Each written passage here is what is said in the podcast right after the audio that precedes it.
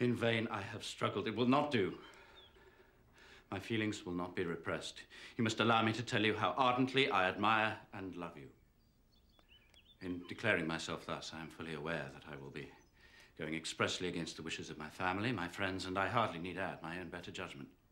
The relative situation of our families is such that any alliance between us must be regarded as a highly reprehensible connection. Indeed, as a rational man, I cannot but regard it as such myself, but it cannot be helped. Almost from the earliest moments of our acquaintance, I have come to feel for you a passionate admiration and regard.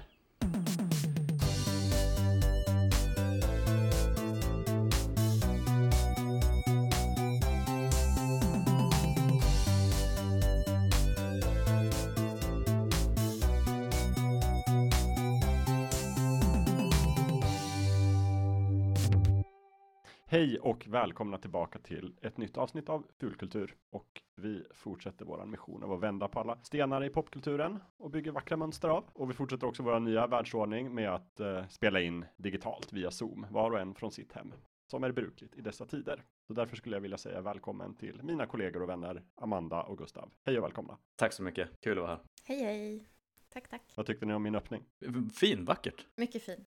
Jag tänkte bara raka rör, inte så mycket krimskrams. Nej, Vi har så himla mycket att gå igenom idag. Ja, gud ja. Eller hävdar ni i alla fall? Jag har ju inte riktigt förberett mig den här gången, men ni säger att ni har en hel lunta med anteckningar och tips och länkar och eh, Wikipedia-sidor öppna. Hur många var det Gustav? 44? eh, nu när jag faktiskt kontrollräknar så säger jag att det är sex stycken. Mm. Men eh, nästa, ja. Det är nästan 44 och det är också en, eh, alla dessa sidor leder också till nya sidor Mm. som Wikipedia funkar. Precis. Så, men eh, jag hoppas också att eh, tekniken kommer vara med oss den här gången så att eh, allting låter bra och allt sägs på rätt ställe och så vidare och så vidare. Det är fortfarande lite oprövad mark det här med att köra Zoom podcast. Jag tycker det funkar ganska bra. Mm, det är mysigt. Mm. Och även när det inte är sån studiokvalitet i alla sekunder av inspelningen så tycker jag att det, det är någonting härligt. Har vi lite tur så skulle det här kunna bli det bäst låtande avsnittet 2020 i alla fall. Mm, vi får ju, alltså en efter en så får vi bättre mikrofoner allihopa. Det är ambitionen, men, men det är ofta så här, liksom, det blir bättre och bättre, men sen händer någonting och så blir det sämre igen. Typ så här, vi byter studio eller vi flyttar eller Jakob börjar med ett nytt program eller någonting sånt där och så blir det sämre. Och så måste man jobba sig upp till acceptabel nivå. Men tack och lov så är våra lyssnare väldigt vana och toleranta när det gäller ljudet. Så Mm. det håller vi tummarna för att de är idag också. Ja men Jakob, du försöker ju envist här liksom hitta det bästa ljudet. Jag hör ju hur många gånger som helst där du går och grämer dig. Så bara, "Nej, Det blev inte riktigt bra den här gången. Så här, Nästa gång! Och så testar vi massa olika saker. Ja, men det, det, be, det behöver inte bli perfekt, men jag tycker ändå det ska vara okej. Absolut. Det tycker jag är en, en ambition. Det behöver inte vara liksom toppklassljud. Vi behöver inte mäta oss med liksom New York Public Radio eller sådär. Men jag tycker ändå det ska vara njutbart att lyssna på. Det är viktigt. Ja. Men nu har vi snart gjort alla misstag som går att göra. Så att nu är vi snart. Kan vi börja om på ruta ett istället? Peppar peppar ta ett trä. men hörni, vad kul att ni båda är med ikväll. Mm, Jätteroligt. Det blir en triopodd. Vi frågade också Eklöf om han ville vara med. Han, han avböjde lite sådär. Med tanke på kvällens ämne. han avböjde ganska snyggt.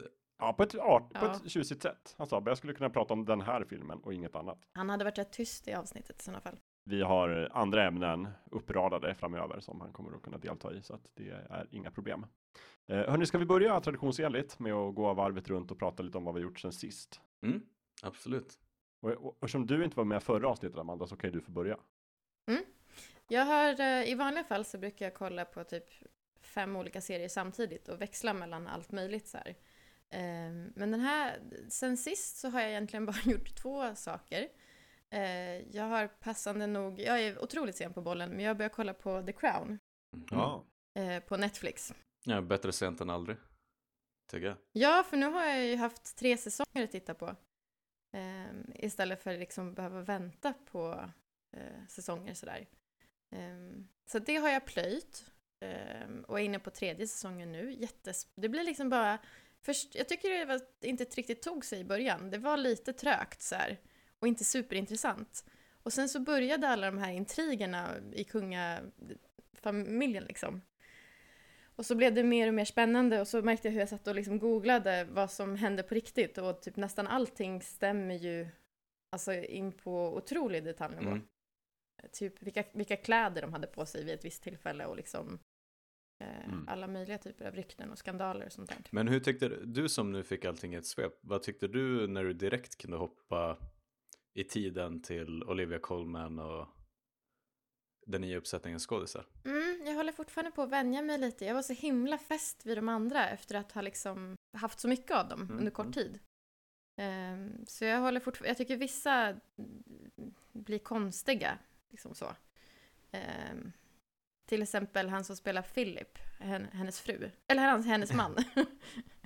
Han som spelar hennes man. Eh, den, jag tycker ju om den skådespelaren som sen, som jag inte nu kommer ihåg vad han heter. Eh, Just det, Tobias Menzies är det väl? Ja, ja det är det nog. Eh, jag, jag tycker ju om den yngre mycket bättre. Matt Smith. Matt Smith. Mm. A.k.a. Doctor Who, elfte doktorn. Precis. A.k.a. Jakobs egen doktor. Mhm.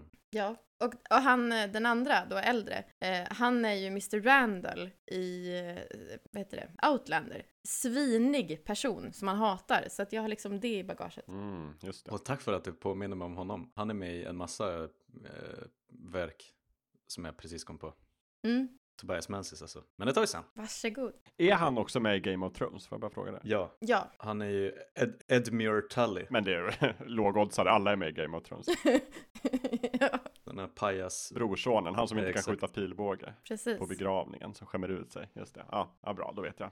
Men eh, annars så har jag sett en, eh, en anime, Heimen Ippo. Har ni sett den?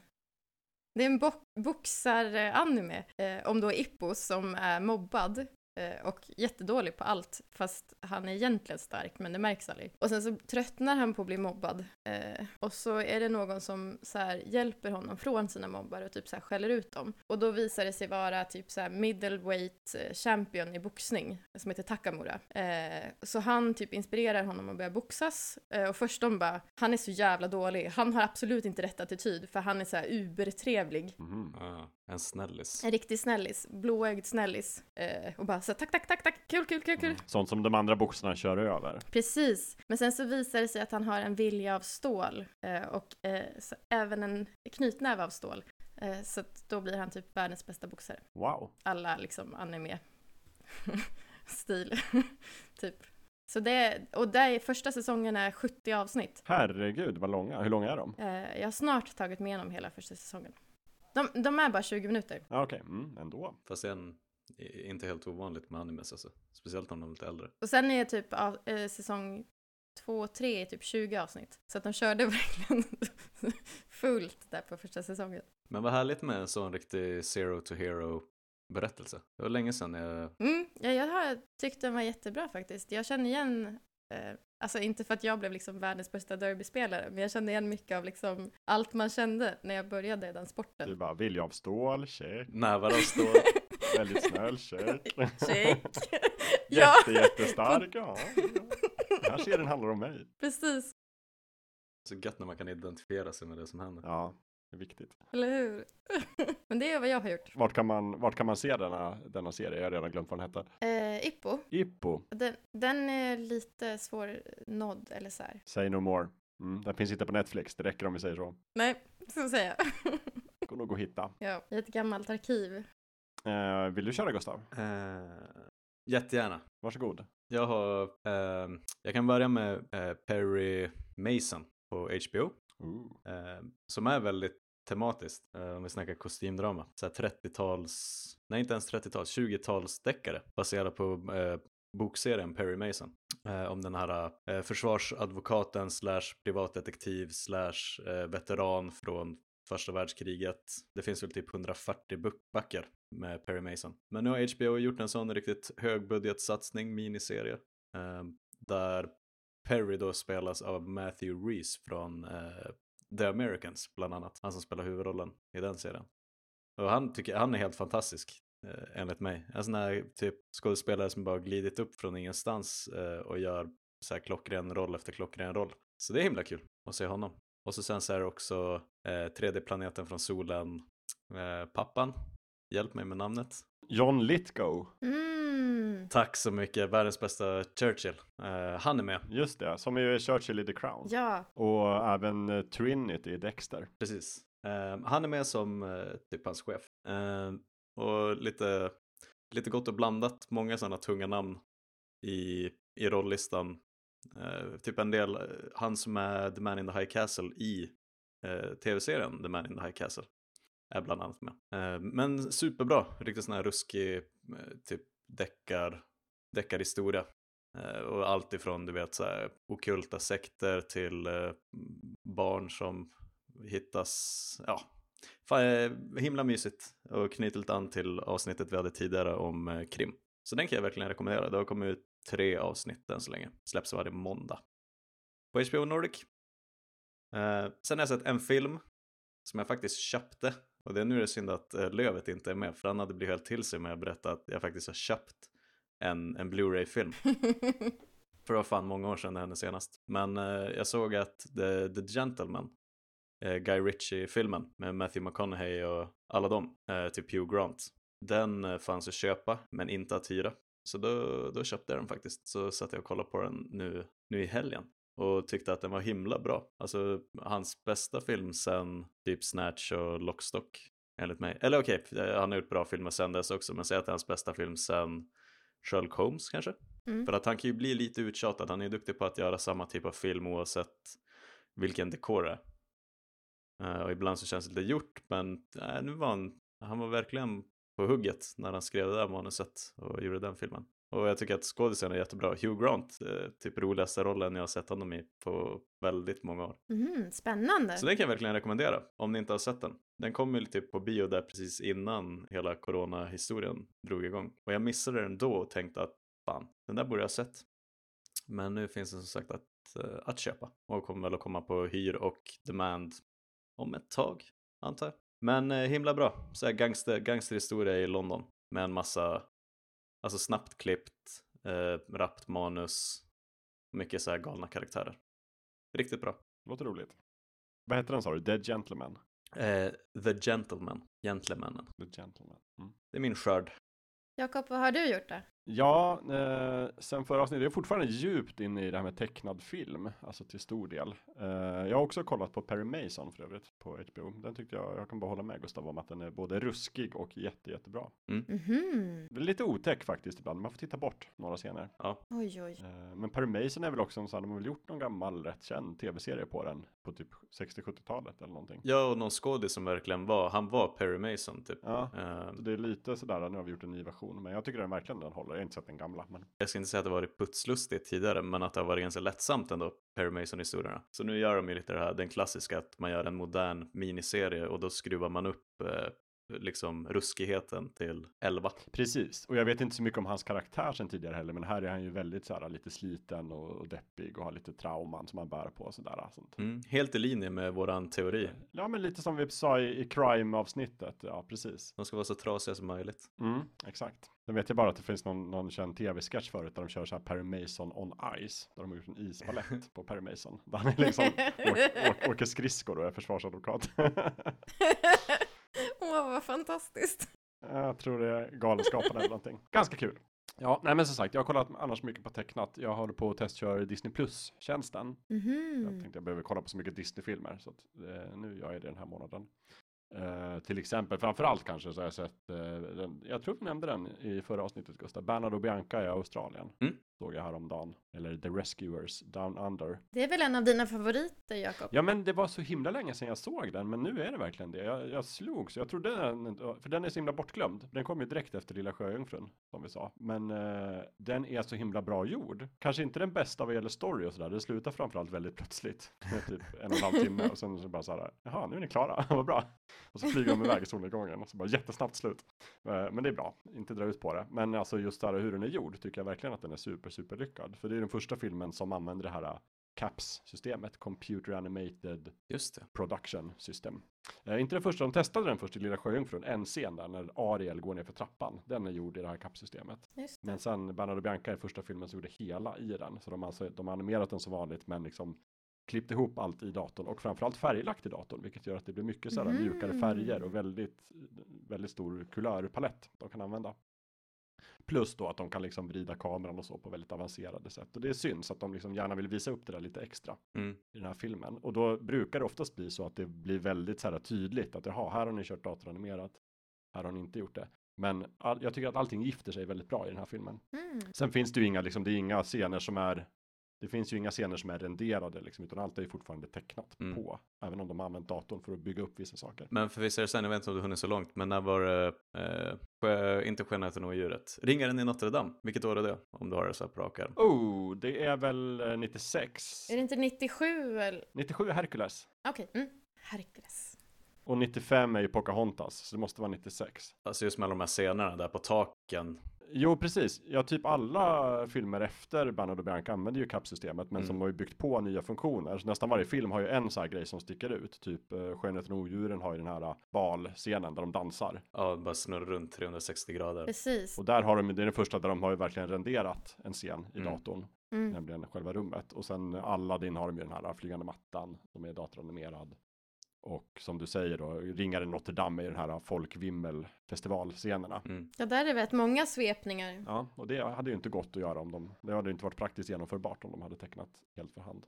Så att, nej men det är lite kul, så att jag är väldigt inne i Disney och då, dessutom har jag också min semesterbok som jag håller på och läser, som heter The Disney War, Mm. Oj! som är lite så här den, den saftiga historien om maktspelet bakom kulisserna på Disneys eh, olika lokaler och kontor och sådär. Det handlar väldigt mycket om Michael Eisner som är liksom Disney vd under den här tiden. Eh, maktspelet och konflikterna med han och Jeffrey Katzenberg och Roy E. Disney som är Disneys brorson. Liksom det här hur de, det är lite succession över alltihopa, hur de så här försöker spela ut varandra och luras varandra och håller på, fular sig. Väldigt spännande faktiskt. Det var en väldigt stor bok du visade upp här i, i Zoom. Är väldigt tjock, en stor tegelsten. Mm, precis. Jag fick köpa den från ett antikvariat för den var så himla slutsåld. Mhm. Man kan köpa den på e-bok om man vill. Men annars så hittade jag den på Bokbörsen och där fanns den. Så att, väl värd. Jag ska se om, jag, jag ska ta med den till hängmattan i sommar tänkte jag. Härligt.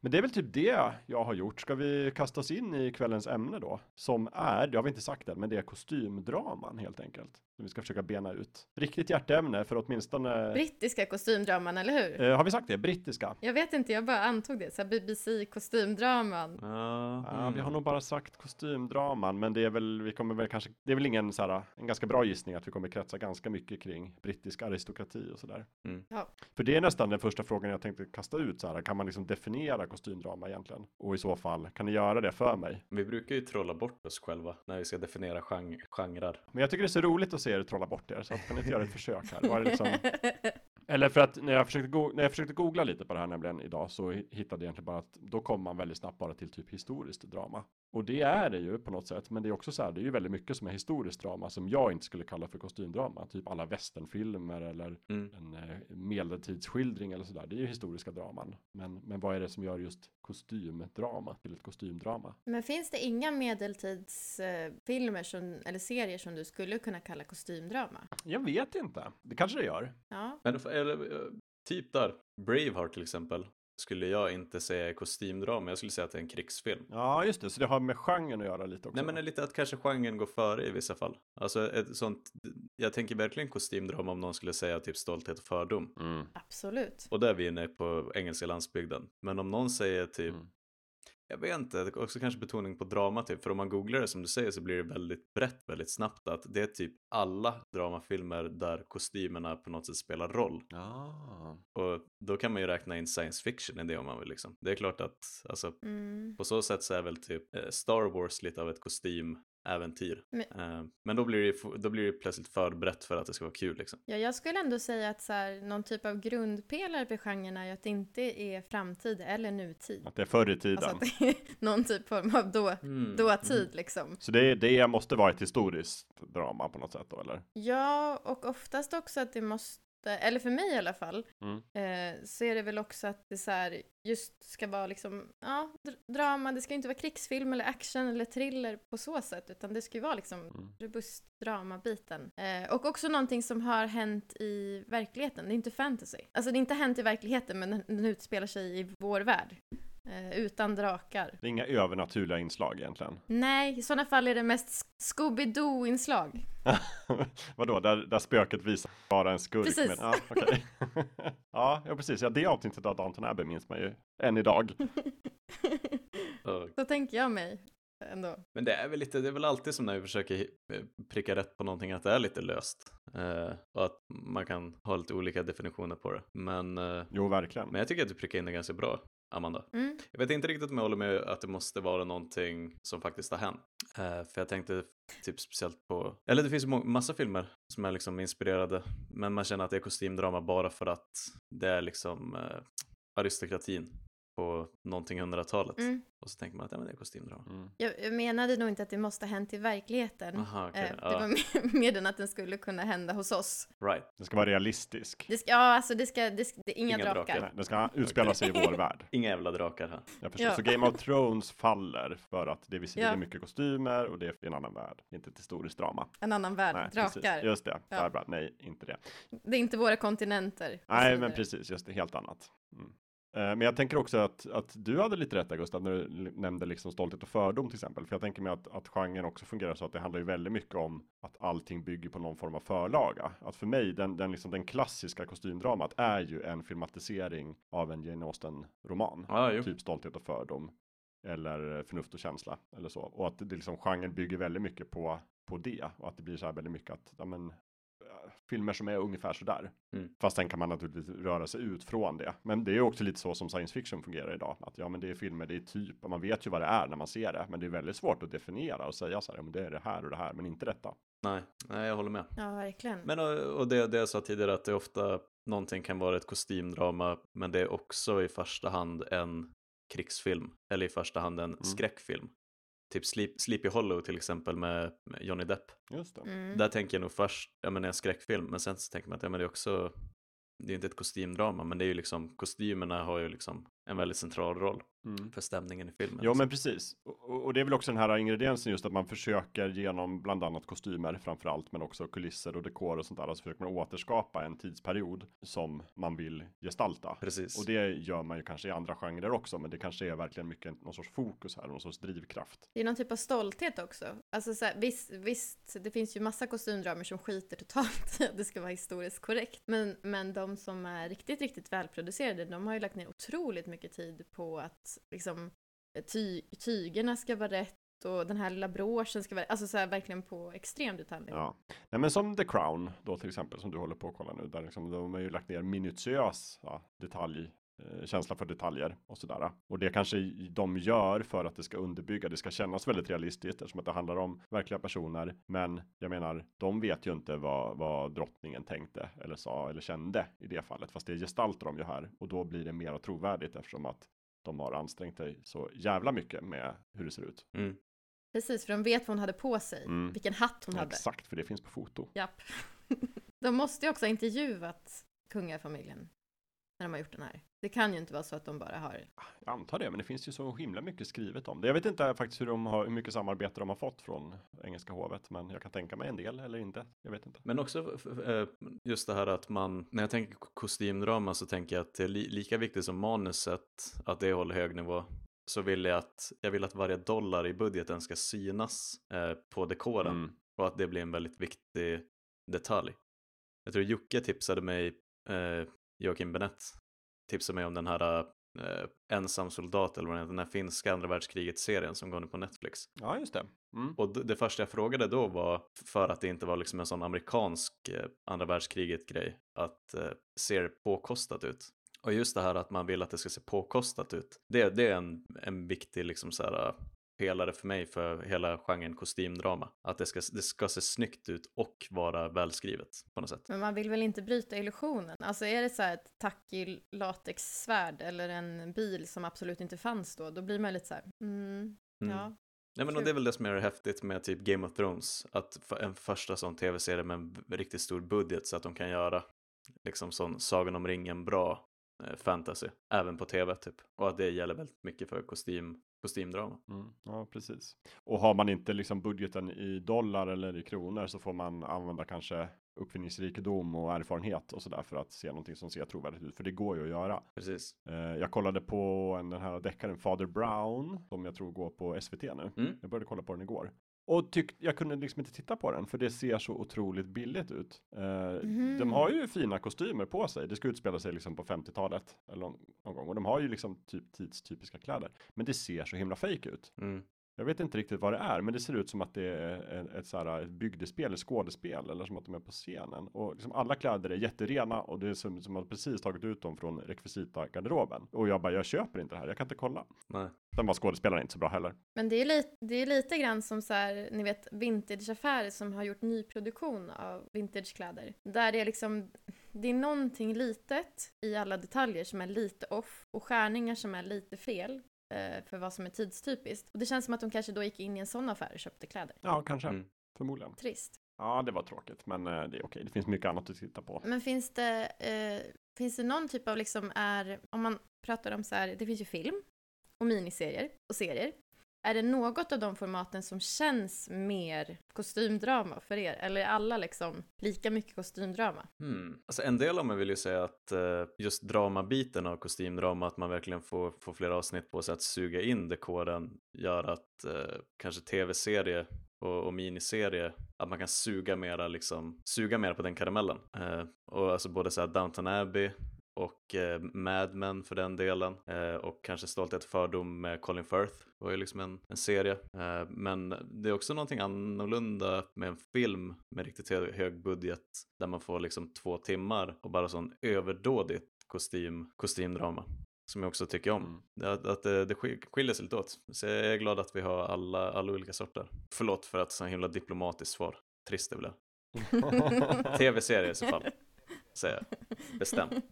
Du då Jakob? Ja, Kan du upprepa frågan så ska jag svara ordentligt. Ja men eh, vilket liksom format som känns mest kostymdrama? Mhm, ja. Film, miniserie eller serie?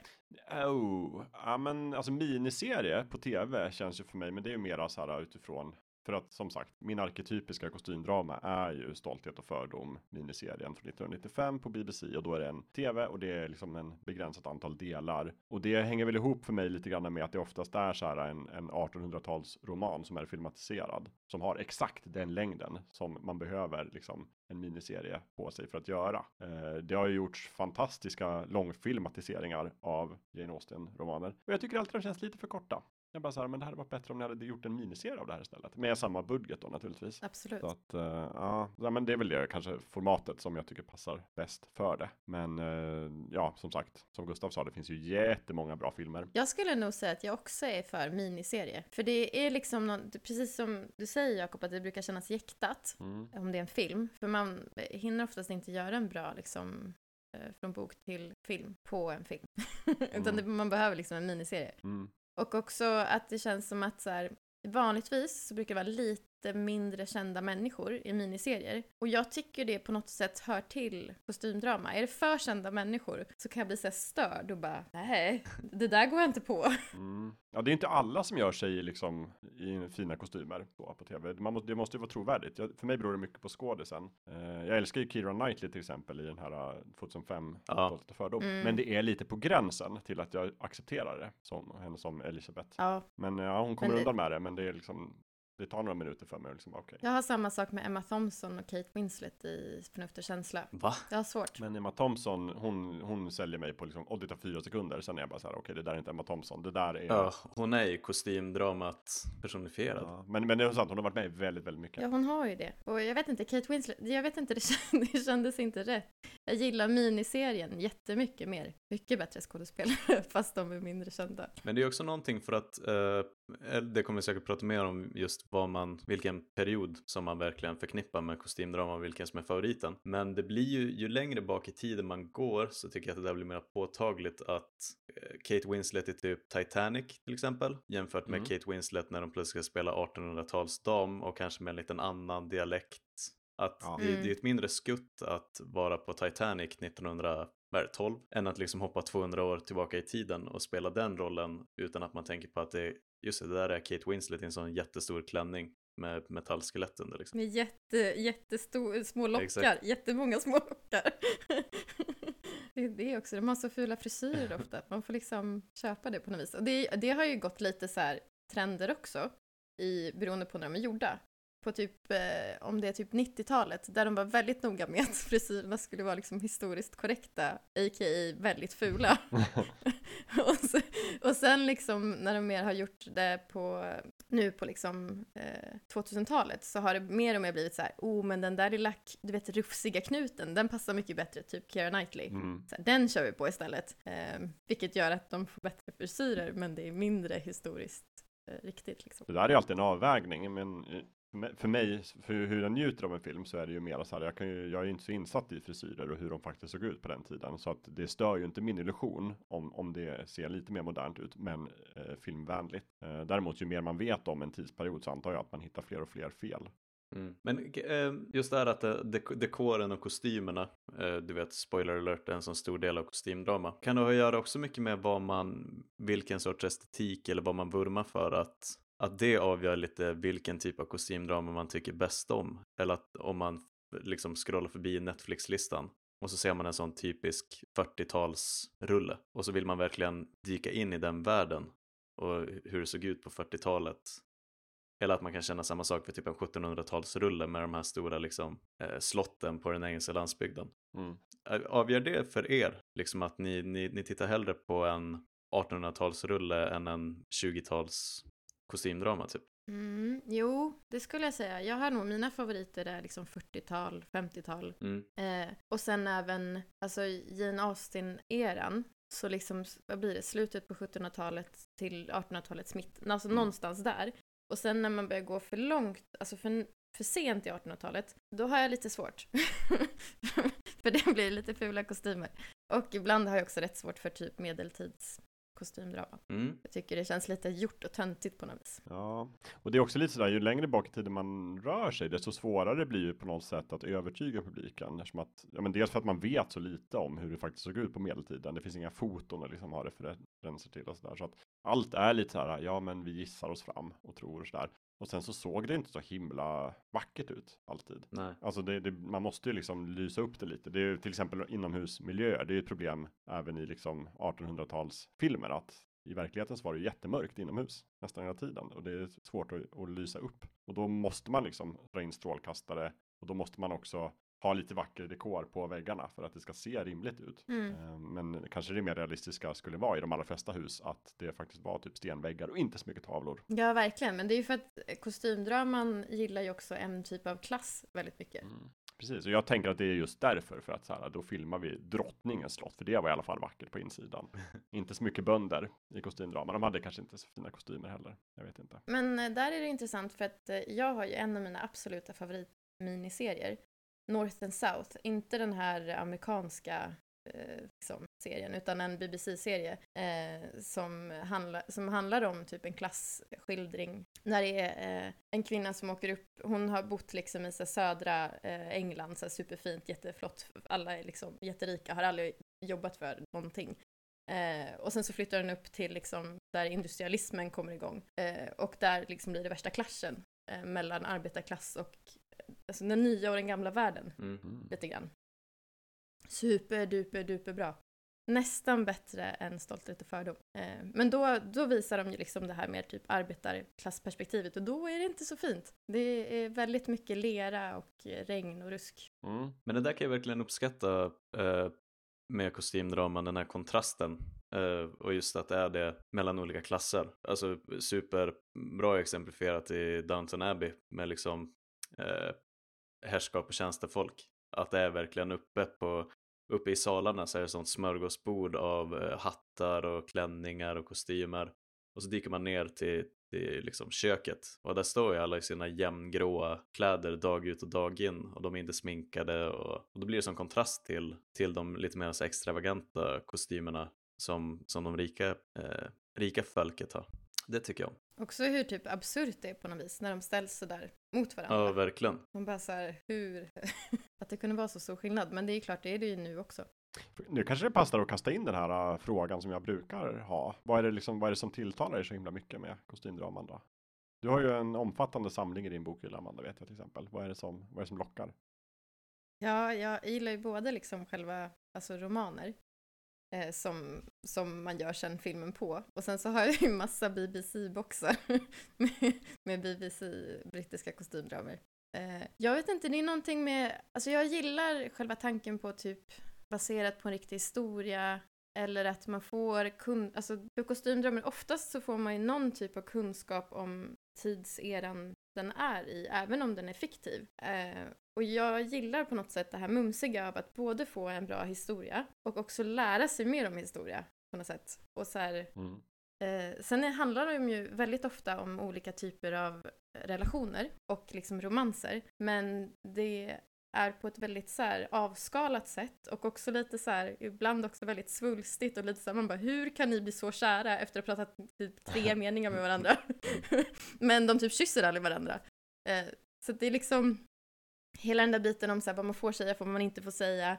Eh, vad man får fråga, inte får fråga, typ så här spänningen i luften. Det är mycket spänning i luften i Mm. kostymdramer. Ja, det är det ofta, ja. Det gillar jag. Ja, Mm, ja, nej men jag håller med. Ja, så man liksom så här, oh, jag klarar inte mer. oj. Ja. Var är nyckeln till mitt kyskhetsbälte? Du måste hitta den nu. Jag får ex- Fast inte så... Fast det inte är snuskigt. Det, det är liksom ändå hövligt. Mm. Ja. Men nästan så att man blir lite förnärmad när man ser någon sån typisk brittisk kostymdrama och, och plötsligt blir en sån explicit sexscen. Då går nästan stämningen förlorad. Precis, man bara, var är förklädet? Hur kunde det här hända? Exakt. Man bara, nej, Helt hemskt. återhållsamt. Eh, ja, men just den, den så här pryda kyskheten är definitivt en del av, av sån typisk brittisk kostymdrama.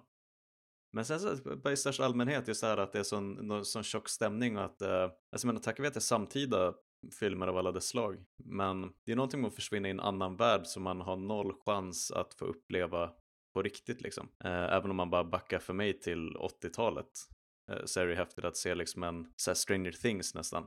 Ehm, men, men du vet allt från, vad, vad ska vi ta, Shakespeare in Love eller eh, Barry Lyndon, alla de här filmerna. Det är någonting som är häftigt att se karaktärer med samma mänskliga kvaliteter som vi har idag, men i en helt annan värld. Det är något häftigt. Det är liksom fantasy utan att vara fantasy på något sätt. Mm. Mm, verkligen. Eh, och det är nog därför jag tycker om det. Och så sen en annan del av den här brittiska är ju såklart den här uh, typisk brittiska eh, liksom munhugget. Blir ju aldrig gammalt. Alltså det är någonting att se sådana att, du vet, brittiska aristokrater som försöker brotta ner varandra med ord. Mm. Som är helt otroligt. Syrliga kommentarer. Och... Ja men där är ju Crown ett fantastiskt exempel. Gud ja. Eh, Där det verkligen är, det är ingen som slåss i The Crown men de, de tar ju isär varandra med ord. Och det är ju väldigt synonymt med kostymdraman. Och det, jag blir aldrig less på det alltså. Men har ni sett, eh, alltså på tal om kostymdramer, eller så har ni sett eh, Grotesk och sketch om brittiska kostymdramer? ja, men det var länge sedan. Där det handlar om Lily, Livy, Lily, Billy. Och så är de så här, det är, det är helt absurt att säga så här, alltså att de bara så här, de säger Lily, Billy, Lily, Lily, Lily, så många gånger och andra saker på Lily, Lily, Lily. Mm. Så att man bara blir så här, "Ugh." Den kommer jag ihåg att jag skrattade fruktansvärt mycket åt, för de satte, de satte precis den här tonen på att så här, eh, mycket konstiga ord och roliga dialekter och eh, så här witty. Men också typ, du nämnde ju eh, Succession tidigare när du pratade om den här Disney, The Disney War. Ja. För mig på något sätt så är Succession nu, nutida kostymdrama. Eh, men man tänker kanske inte så mycket på kostymdelen för att det, det utspelar sig liksom i nutid. Mm. Men att där är det ju samma sak, liksom folk som försöker, ja men de hugger varandra i ryggen och de, mycket så här fulspel och eh, att den, den grejen, jag tror det är därför jag uppskattar Succession väldigt mycket också. Mm. Att det är samma, samma typ av, alltså i Stolthet och fördom och alla sådana Jane Austen-böcker med fem systrar som slåss om Mr Darcy, liksom att det, det, det är den typen av intriger Mm. som hamnar i centrum i många kostym, kostymdramer. Som jag också tycker, är det välskrivet så blir jag inte less på det heller, måste jag säga. Det måste inte vara så, det, det måste inte vara så raffinerat eh, äventyr i centrum, utan problemet kan verkligen vara hur man ska komponera menyn till någon middag ute på herrgården. Och det räcker typ, för man kan suga i sig så mycket från allt det mustiga i dialogen och i dekoren. Mm. Nej men för det är ett jätteintressant spår, för det är ju liksom väldigt ofta handlar ju kostymdraman, tänker jag om i alla fall, om människorna som det handlar om försöker förhålla sig till samhället och till konventionerna som gäller Mm. i den tiden. Att så här, och dels är det lite främmande för oss, men vi kan relatera till så här, "Åh, vi har ju också varit kära eller det här är ett problem för oss. Men i deras värld så är det, får det helt andra dimensioner för att det handlar så mycket om liksom heder och ja, stolthet och fördom och liksom de här.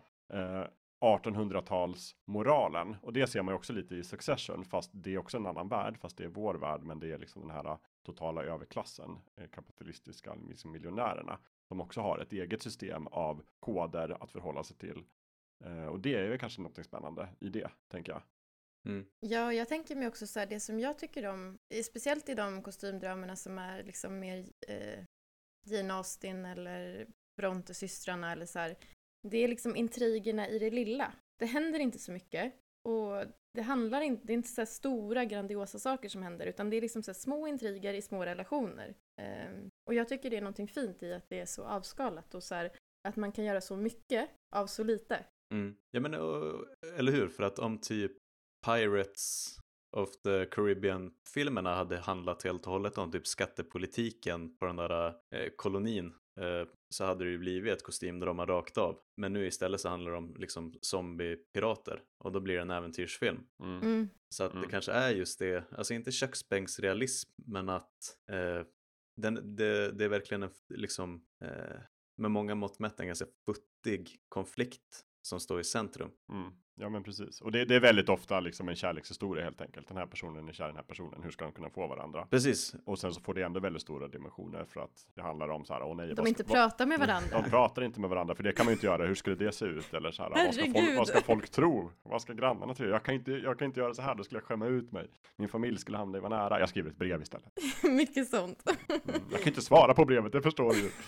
Hur skulle det se ut?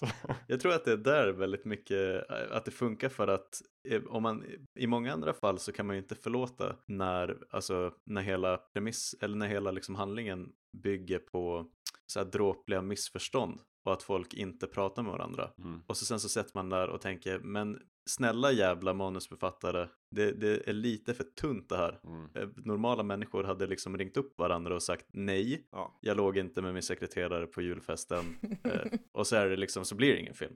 Men när det är, men så fort man hamnar där vid typ sekelskiftet och bakåt eh, och det är ett helt annat klassamhälle och alla har kyskhetsbältet på så blir det mycket mer trovärdigt. Eller då kommer du undan med det här lidandet som kommer från att folk inte pratar med varandra och de säger inte det de menar för att det är liksom osedligt. ja, men precis. Det blir mycket mer plausibel förklaring någonstans här. För vi tänker att samhället var så. Och det var det ju säkert också på många sätt. Och då, då kan vi liksom köpa den. Och då blir det väldigt spännande. Mm. Det är sant, bra poäng. Och det är lite av, av samma anledning som jag tänker att så här, det finns ju hur många krigsfilmer som helst till exempel. Som också lägger jättemycket fokus på både kostymer och på att det ska se realistiskt ut och verkligt ut. Och det tänker jag faller väldigt mycket för att det handlar om någonting helt annat. Det är inte det här liksom lite mudana utan det är här ett helt annat ämne vilket är typ krig och det kan vara action eller äventyr eller drama fast bakgrunden är hela tiden den stora konflikten någonstans och då är det för mig inte ett kostymdrama i alla fall Nej, fastän det är väldigt mycket kostymer. Nej, för det finns ju fler kostymdramer där liksom kriget är närvarande. Mm. Så. Men det är ju mer som en kuliss. Det är ju någonting som så här, folk åker iväg till eller kommer tillbaka från. Mm. Ehm, eller som påverkar vardagen i landet där man bor, där kriget inte är. Exakt, och, och där, där får man inte, som du sa, det, det, det stora är det lilla. Eh, att man fokuserar på varje liten sån knapp på, på liksom en kostym. Att ta Downton Abbey till exempel, där första världskriget skildras ju att deras eh, gods blir ett eh, militärsjukhus. Just det. Sen får man inte se så mycket av kriget och jag skulle nästan säga att enda gången det lite fallerar illusionen av att man faktiskt är där på 20-talet och och 10-talet är när man får se de här få scenerna från skyttegravarna. För där handlar det kanske inte om intrikata sömmar på kostymer utan där måste man också ha den här skalan som blir så viktig i, i krigsfilmer att det funkar inte om det är en pansarvagn, det måste vara 20 pansarvagnar. Mm. Och då ser man att nej, men det här eh, är liksom, det är inte jättetrovärdigt. Eh, om man ser att det är lite kulisser när de är där i Frankrike typ. Men sen funkar det ju superstrålande att det är första världskriget när de bara liksom visar ur linsen att det är ett militärsjukhus och de slipper visa stora grandiosa så här, stridsscener typ. Precis, och när de pratar om det. Ja, Mm. Alltså de pratar om kriget. Men de, man visar inte. Nej, exakt. Ja, men precis som i, i Madicken. Som är en jättebra filmatisering som också är lite kostymdrama. Där, där är ju också första världskriget en backdrop hela tiden som man inte ens tänker på som barn. Men när man kollar på Nej, den som gud, vuxen inte. så ser man ju att de vuxna i alla scener sitter och pratar om kriget. Det var konstigt. Och Abbe vill till kriget. Ja, bara sidospår. Men ändå intressant att det, det kan ligga så effektivt som ett lager som man inte ens behöver ta till sig av alls. mm. Om man inte vill. Men när, för, när vi pratar om sådana backdrop och historiska händelser som mer har fungerat, nu händer det här och nu händer det där. För ett annat namn på engelska för kostymdrama det är alltså period piece.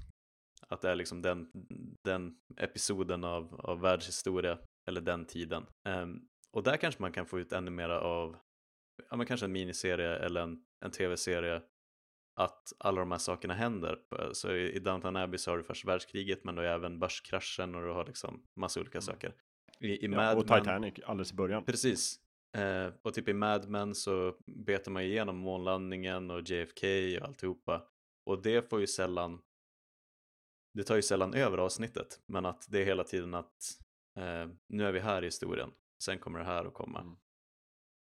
Ja, och samma sak med The Crown, eh, eller även typ Peaky Blinders, så är det också en massa sådana saker som man bara säger, ja, då händer det här, och mm. då händer det här, och nu närmar vi oss det här.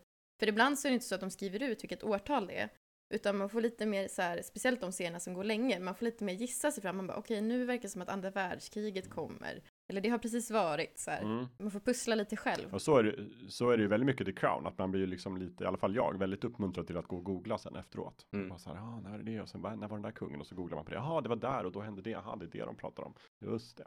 Det var den krisen. Ja, ja, ja. Mm. Och så lär man sig någonting också. Så det är lite edutainment. Ja, men verkligen. Men en annan grej med det där, eh, och det som lånar sig så bra till lite mer långformat i tv-serieform, att inte bara att man tittar tillbaka på så här, oj vad, vad lustigt och knäppt det var med liksom klassamhället på mm, sent 1700-tal i Storbritannien. Men att det är så mycket, det är så mycket flörtar till att kolla vad konstigt det var då på ett sätt som det inte är nu längre.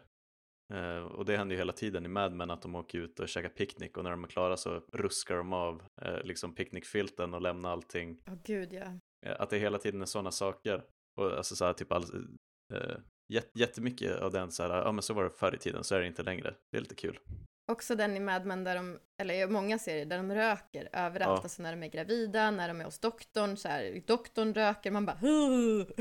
Idag hade det inte gått. Ja, men, och en annan sån jättestor grej att eh, sjukvård är så barbarisk i kostymdraman.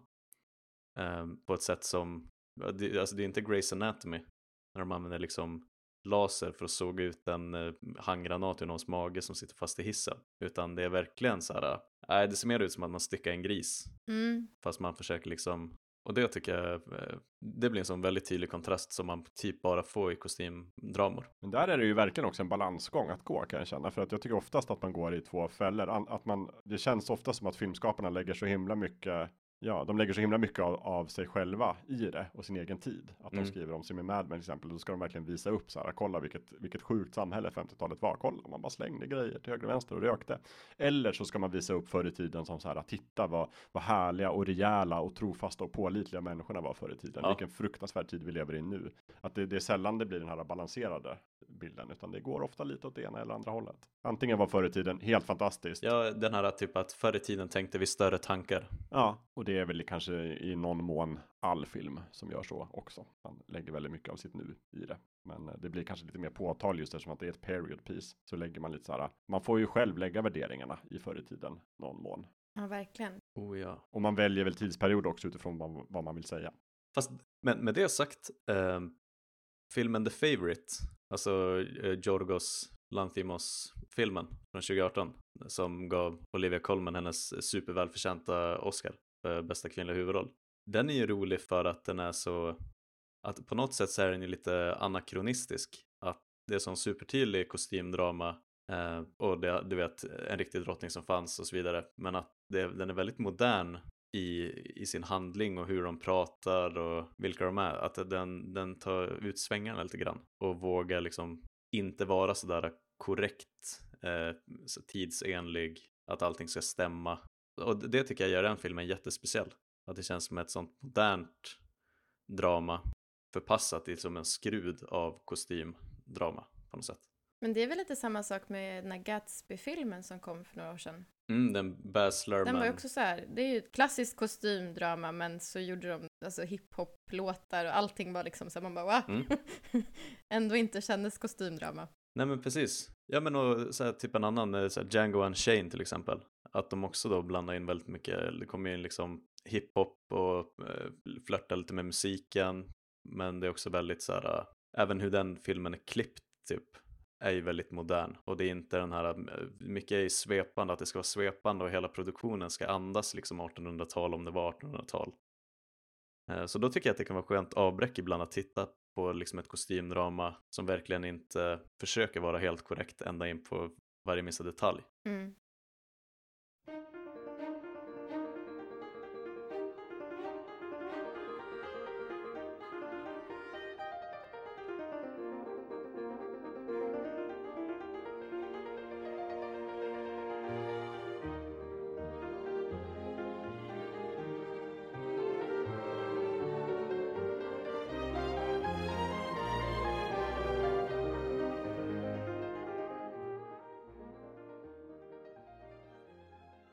Hörni, jag tänkte på en sak. Mm. Det finns ju så här, det brukar finnas i så här kvällstidningar och sånt där, eh, så brukar man ha kändisar. Och så har man så här, vilken, vem bar klänningen bäst? Har ni Ja. sett det? Såna här, så här, de har samma klänning, men det är två olika typ skådespelare, så får man så här, säga lite bu eller bä, vem som var snyggast i den. Mm. Det finns ju lite det här, alltså eftersom att de och bi, eh, kostymdramer oftast bygger på eh, olika typer av förlager, böcker, så finns det ju också, och de är skrivna för väldigt länge sedan, så finns det också väldigt många olika versioner eh, av samma berättelse. Och då tänkte jag, om ni vill gå igenom lite grann så här, några liksom, stora kända, och prata lite grann om vad som var bäst. Absolut. Ska jag, ska jag leda den biten då? Det tycker jag du kan göra. Ja, kör. Mm. Nu leker vi, vem var den bäst? ja. Okej, vi börjar med Jane Austen, för där finns det så otroligt mycket. Och alla är filmatiserade typ åtta gånger. Ja, Miniserier, serier, filmer, allt möjligt. Eh, och då tänkte jag vi ska börja med den mest kända, Stolthet och fördom. Miniserien från 1995 eh, med Jennifer Aile och Colin Firth. Mm. Eller filmen från 2006 med Keira Knightley och Matthew McFadden. Oj. Vilken är bäst? Jag säger filmen för jag tror Jakob kommer att se serien. Jag står verkligen och väger. Jag tycker att eh, båda de två är nästan exakt lika bra. Och ena dagen kan jag känna att nej, miniserien är fan bäst. Och så kollar jag på den och sen kollar jag på filmen och så tänker jag nej, den är riktigt bra alltså. Nej, men jag måste säga miniserien ändå, trots allt, på liksom totalpoäng. Men filmen är riktigt, riktigt bra. Mm. Och jag tycker, det är nästan så att Succession har förstört det där. Eh, det är så underligt att se liksom, att se Stolthet och fördom nu. När jag har en helt annan relation till den skådisen. Men jag tycker att de spelar väldigt bra mot varandra. Uh, Keira Knightley och, nu glömde jag namnet på honom. Eh, Matthew McFadden. precis. Eh, den regnscenen är ju eh, tidlös. Också, också, också, också när, han, när hon sitter och spelar, jag tror att hon spelar piano eller hon sitter och gör någonting. Och han tittar över så här, rummet Mm. och så ser man så här, den otroliga lidelsen i hans blick och hur han bara så här, går sönder inombords. För han så gärna vill säga att han tycker om henne men det är liksom Just inte det. värdigt. Den, uh, oh, Precis. Han kikar bara in genom dörren eller någonting sånt där va? Ja. det är så bra. Ja, om de hade en Oscarskategori för bästa lidelsefulla blick, då borde han ju faktiskt få den det året. ja! Han har, också, han har också så otroligt mysig röst. Alltså man skulle kunna, vilken, vilken liksom ljudbok som helst. eh, Ja, åh. skulle man kunna lyssna på. Men sen så är han den här vidriga maken i Succession som man bara såhär, uh, jättekonstigt. Mm. Okej, men vi går vidare. Eh, näst... Men vad ska inte du säga Amanda? Ja, just det, jag ska säga. Du får ju lägga fällande. Aha. Men jag är lite inne på ditt spår, Jakob. Jag har jättesvårt att bestämma mig för att de är verkligen så bra, båda två. Och de har olika kvaliteter. Men jag såg filmen först Mm, absolut. eh, och fastnade mer för dem liksom. Och jag, jag tycker lite mer om den här lösa knuten-stilen än de hårda lockarna. Ja, ja, ja, just det. Mm. Eh, så på det sättet tror jag att jag röstar på filmen. Mm. Men rent så här, jag älskar ju miniserier, på ett sätt så är den Det är också det, det är det som är en sån fin grej med just den här tävlingen som du har hittat på. Att vi kommer inte spränga eller ta bort någon av versionerna, utan båda kommer finnas kvar tillgänglig på strömmande tjänster och hyr och köpfilm och sådär. Så vi kan se båda. Absolut. Men man måste välja en. Man måste Då välja. valde du filmen, hörde jag nu. Mm, ja, det gjorde jag. Okej, men då går vi vidare till nästa. Eh, nästa är då Förnuft och känsla. Filmen från 1996 med Emma Thompson och Kate Winslet. Eller miniserien från 2008 med Hattie, Mac- eh, Hattie Morahan och Charity Wakefield. Har ni sett den? Mm, nej. Ja, men det var länge sedan. Jag har bara sett filmen här. Mm. Då har du missat någonting, Mhm. kan jag säga. Det kan jag tänka mig. För jag tycker att den är hundra gånger bättre, miniserien, Okej. än Men och jag måste ju defaulta då och ta filmen. Så då får Jakob välja vinnare. Men får man inte välja filmatiseringen från 1981 av Alexander Barron? Oj, puristen. Man får om man verkligen vill, men jag tror inte den är så bra. Nej, jag skojar bara, jag har inte sett den. Jag bara drog upp den på Wikipedia, jag tänkte bara skryta lite med att jag visste att det fanns en version där. Men nej, jag har faktiskt, det var så himla länge sedan jag såg miniserien, så att jag minns inte den, så jag får ju säga filmen. Därför att också att det är en av mina favoritfilmer, och därför att Ang Lee har regisserat den. Och den är fenomenal, och Emma Thompson är jättebra, och till och med Kate Winslet är jättebra. Och eh, vad heter han? Han som spelar Snape. Alan Rickman. Mm. Det är bra. Och Hugh Grant är med också. Det är många, det, men det är ju verkligen en sån här kändisfilm som man bara Mm. så här, jag, jag får nästan så här overload över att det är så många kändisar att jag inte kan ta den på Ja, allvar. den är stjärnspäckad, det är den. Mm, Det, det är inte alltid en fördel då, eh, på Amanda-skalan för kostymdrama. absolut Det är inte. därför du föredrar BBCs miniserie istället, för att det är okända ansikten. Precis därför. De la alla pengarna på kostymer. De har också lite den här lösa knuten. inte de hårda lockarna. Men blev det, liksom började man med lösa knutar runt, alltså på 2000-talet? För då Stolthet och fördom 2005, eh, Förnuft och känsla 2008. Då var det lösa knutar, go right ahead. Men på 90-talet, absolut inte lösa knutar. Då var det liksom väldigt hårda vaxade lockar som låg perfekt på huvudet och som gjorde så att alla såg liksom helt knäppa ut. Jättefula frisyrer. Vet ni också vem som har skrivit manuset till eh, filmen Förnuft och känsla? Förnuft och känsla? Nej. Mm. Emma Thompson. Nämen. Det är hon som har liksom gjort manusbearbetningen för den. Right. Hon har många Mm. strängar på sin lyra. Ja, verkligen. Verkligen. Fantastisk skådis. Mm. Okej, men vi går vidare till nästa. Det här är... Mm. Det är ingen som får poäng och sånt där, utan det är bara liksom... Det får lyssnarna göra. Nej, ja Nej. det får Ja. lyssna göra. Det här är sista, eh, sista Jane Austen-filmatiseringen, eller miniserien. Ja. Emma. Eh, från 1996 med Gwyneth Paltrow. Mm. Eller filmen från 2020 med Anja Taylor-Joy. Men den har jag ju inte hunnit se. Nej, inte jag heller. Attans. Den här är för ny. Jag har sett båda. Och det är samma sak, för mig så är det lite samma sak där. Att eh, dels är de hårda rockarna i Gwyneth Paltrow och Emma. Mhm, mhm. eh, och sen så är det så, hon är lite för känd. Ja, Har lite svårt att köpa det. Men då borde ni verkligen se. Men då vill jag faktiskt, då vill jag, ja det ska jag göra, men jag vill lyfta fram ett eget alternativ igen. Ja, För det gjordes också en tv-film 1986 som heter Emma. tycker du den är bra? Med, eh, jag tycker den är ganska bra ja.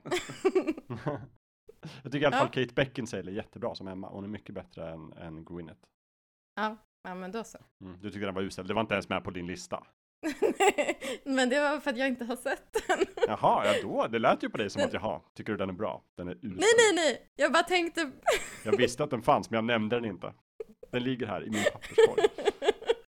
jag tänkte eftersom att du ville lyfta en, an- en andra 80-tals eller 70-tals... Eh, Ja, nej, nej, utan det här är, Mm. jag har faktiskt sett den. Jag tycker den är bättre än, än Gwyneth Paltrow Emma från eh, 1996. då får jag kolla på den. Den är, ja, gör det. Mm. Men och jag, jag tycker om Taylor Joy. Så jag, då lägger jag min röst där, tror jag. Det är också att Bill Nye är med. Just det. Och han, eh, han tillför ju någonting till alla eh, kostymdramer som, som han är med i. Ja, precis. Då vinner ju den nästan bara på det. Ja, nästan. Då ska jag verkligen se den. Nu eh, kommer vi till, eh, vi tar sista Mm. för, för det här avsnittet. Eh, har ni sett er Jane Eyre? Mm. Nej, tyvärr inte. Nej. För det finns, Kör den då, kör den då. ja, ja, för det finns en miniserie från 2006 med Ruth Wilson eh, och Toby Stevens som Jane Eyre och Rochester. Och sen så finns det en film från 2011 eh, med Mia Wasikowska. Hur heter hon? Vad heter hon? Wasikowska och James Hanson som, eh, nej, nej, nej, Michael Fassbender Oj, som Rochester. Men då, då faller det lite på om ingen av er har sett någon av dem. Men där kan vi, nä- okej, då kan vi nästan ta det på, på skådisar i så fall. Att Fassbender vinner. Nej, men ja, vänta lite. Det finns en från eh, 1983 med Timothy Dalton. Ooh. Ja, just det! Ja, det finns det. Ja, då vinner den. Men han, jag, jag kan ju, jag kan ju ge lite backstory här att Rochester ska ju vara en hemsk man. Alltså fruktansvärd man. Man ska verkligen inte tycka om honom. Och han ska vara rätt grov eh, och liksom bordus så. Men sen så tycker man om honom ändå för att han blir en bra människa någon gång liksom. Men okej, men och då vinner nog den med eh, Tobbe Stevenson i så fall. För att båda de är ju, han är ju ruskig i sig. Han har också varit med i en Bondfilm. Det är han som spelar den här diamant, Gustav i Another Day. Mhm. Men även hon är ju otroligt ruskig i Luther med Idris Elba när de spelar den här psykotiska seriemördar-sidekicken. Så då, då vinner den på ruskfaktor, Ja, riskfaktor. tror jag. För mig så, jag tycker båda, vi kan se båda, båda är fruktansvärt bra. Det finns också en version från typ 80-talet någon gång som är jättedålig. Eh, Den behöver vi inte se. Eh, Kan det vara en bra idé så här om man ska se ett kostymdrama? Kan man bara slänga iväg en rad på sociala medier till dig och fråga så här, är den här versionen sevärd? Och då kan du säga nej, jättedålig eller ja, jättebra. Ja, det kan man göra. Alltså för mig tänker jag då, alla behöver inte göra det, men jag kan göra det. Jag har sett många bra och väldigt dåliga versioner. De här BBC-boxarna jag har hemma, de är många 80-talsversioner som inte är så bra. Förlåt Amanda, jag bara spinner vidare nu. Det finns ju en annan när eh, Karen Hines spelar huvudrollen. Jag kanske måste ta den. Eller? ja, ja, kanske. Du får För, se in- den för, först. för att inte tala om den med William Hurt och Charlotte eh, Gainsbourg. det finns Ja, otroligt jag, har ju många. helt, jag har ju en hel uppsättning Jane Eyre att titta på nu. Det är helt otroligt. Ja. Sen kan jag säga att det finns som en, en bubblare på den här listan. Eh, eller liksom i kategorin Det är knappt samma film. Eh, om ni har sett eh, Svindlande höjder från 2011. Ja, jag har sett den från 90-talet tror jag. Den här, precis. Och den här är någonting helt, helt annat. Den följer inte riktigt boken. Eh, de har bytt ut en del av karaktärerna. De, en del av karaktärerna har försvunnit tror jag. Och den är otroligt artsy. Och det är verkligen så här, ingenting händer i hela filmen. Hon typ ligger ute i en grästuva i, i liksom i så här jättebrunt tråkigt landskap, liksom bergslandskap Oj. i tio minuter och tittar på en död kanin. Alltså det är på den nivån. så, så där fall, den, den är nästan inte så att den kan vara med och tävla om bästa version. För att det är något helt annat. Men det var, det var mina Vem bar en bäst? Filmer och serier. Men får jag slänga in en då som vi har pratat om tidigare i Fullkultur? Ja. Eh, vem är den bästa eh, Winston Churchill? Är det Litgo eller är det eh, Gary Oldman? Om vi nu bara tar de två senaste exemplen. Gary Oldman är det som gör Churchill i den där filmen, va, som jag inte minns vad den heter. The Dark, The Darkest Hour. Darkest Hour. Hmm. Just det, det finns ju också en jättedålig Sir Churchill i Peaky Blinders va? Som inte alls är speciellt Mm. bra. Men det är ju när han, han är mycket yngre där. Ja, D- Där är det ju liksom 20-tals Churchill. han ser inte ut som han. Eller han är, ja, det tog mig lång tid innan jag fattade att det var Churchill. Ja, han ser konstig ut. Men har ni sett eh, The Darkest Hour? Nej. Det var ju en del av min brittiska trippel för ganska länge sedan. Mm. Mm, nej, jag har inte sett den. Mm. Jag har inte heller sett den, så att jag kan inte riktigt uttala mig om hur bra Churchill är där. Men... Ni får ju ha det som bakgrund att han vann. Jag tycker John Lithgow är jättebra som Churchill. Ja, det är han. Då kanske jag själv eh, säger Litgo. Och så har vi den överstökad, helt enkelt. Mm. Okej, nej men fan Amanda, eh, vad kul grej. Det, det, det tog ett tag att förbereda ändå. Jag hade också egentligen en, en version av, eller Northanger Abbey. Men jag antog att inte ni hade sett varken miniserien från typ det talet eller liksom miniserien. Nej, jag måste krypa till korset och erkänna att jag inte. Det finns ju väldigt många kostymdraman till mitt försvar. Ja, det gör det ju. Och jag, jag har ju specialiserat mig på Jane Austen kostymdramer eh, och så här plöjt typ alla. Eh, så, att eh, mitt test var väl lite så här biased för det, Jo, kan jag erkänna. Får jag kuppa då och kickstarta en annan variant av det här? Mm. gör det. och kolla vad ni har att komma med där.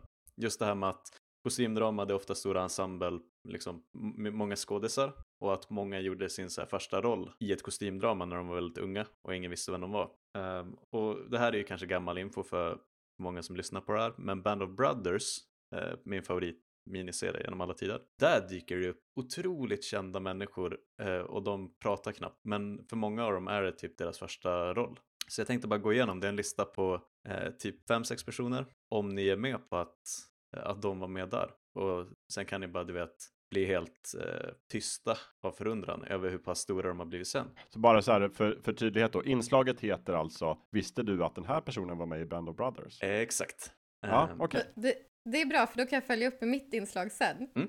Eh, och jag måste bara lämna in en brasklapp att eh, jag har ju fått typ nästan spö för det här men jag har inte sett Band of Brothers. Nej, det är illa. Men när du hör den här listan på personer som var med, då kanske du blir sugen. Då kommer jag bli sugen. Eh, Okej, på plats nummer, eh, jag säger nio men det kan vara nummer fem. Vi får se. Eh, Jimmy Fallon är med i Band of Brothers. I typ en scen. Jaha, Mm. Han, otippat. eh, när de är på väg in i den här eh, Bastogne sko skogen där i Frankrike, Belgien, eh, då kommer han körandes på en sån eh, jeep och säger att det, typ, det är skitkallt, eh, det finns inga förnödenheter, ta så mycket ammunition ni kan. Eh, så Mm. showhost Jimmy Fallon dyker upp där. Mhm. Köper man det? Mm, Eller är det lite konstigt? Så jag köpte det när jag inte riktigt visste vem man var, men Ja, det. Det men är en jag tänkte scen som, som står ut. Idag så är det Mm. lite som bruten illusion för att han dyker upp där och ska låtsas vara seriös på något sätt. Han är oftast skojig annars. Mm, verkligen. Eh, sen dyker Simon Pegg upp i Band Brothers. Eh, han är sidekick till David, Sch- David Schwimmer. Jajamän. Eh, Vad har han varit med i? eh, Mission Impossible nu senast. Han har Ah, verkligen blivit okej. superkänd. Mm. Och de nya Star Trek-filmerna också. Ja, Ja, ja, ja. Eh, och såklart eh, Cornetto-trilogin. Shaun of the Dead och Då hänger jag med. de rullarna. Yes. Eh, men som sagt, David, David Schwimmer är med också, men han var ju redan superkänd från, från Vänner när Band of Brothers kom. Mm. Eh, Tom Hardy, väldigt ung Tom Hardy är med.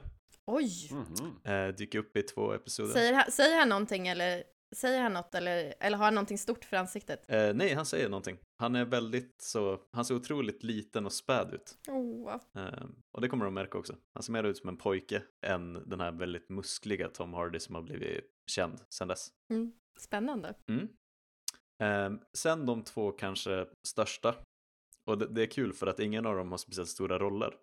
Vilket känns helt ofattbart nu. Men eh, på plats nummer två kommer James McAvoy. Ja, Mhm. Eh, alltså Professor X. Och en massa andra. Så här, han är briljant skådis nu med en helt otrolig karriär. Men han dyker upp som en av de här ersättarna. Och är också otroligt liten i Band of Brothers. Som späd liten pojke.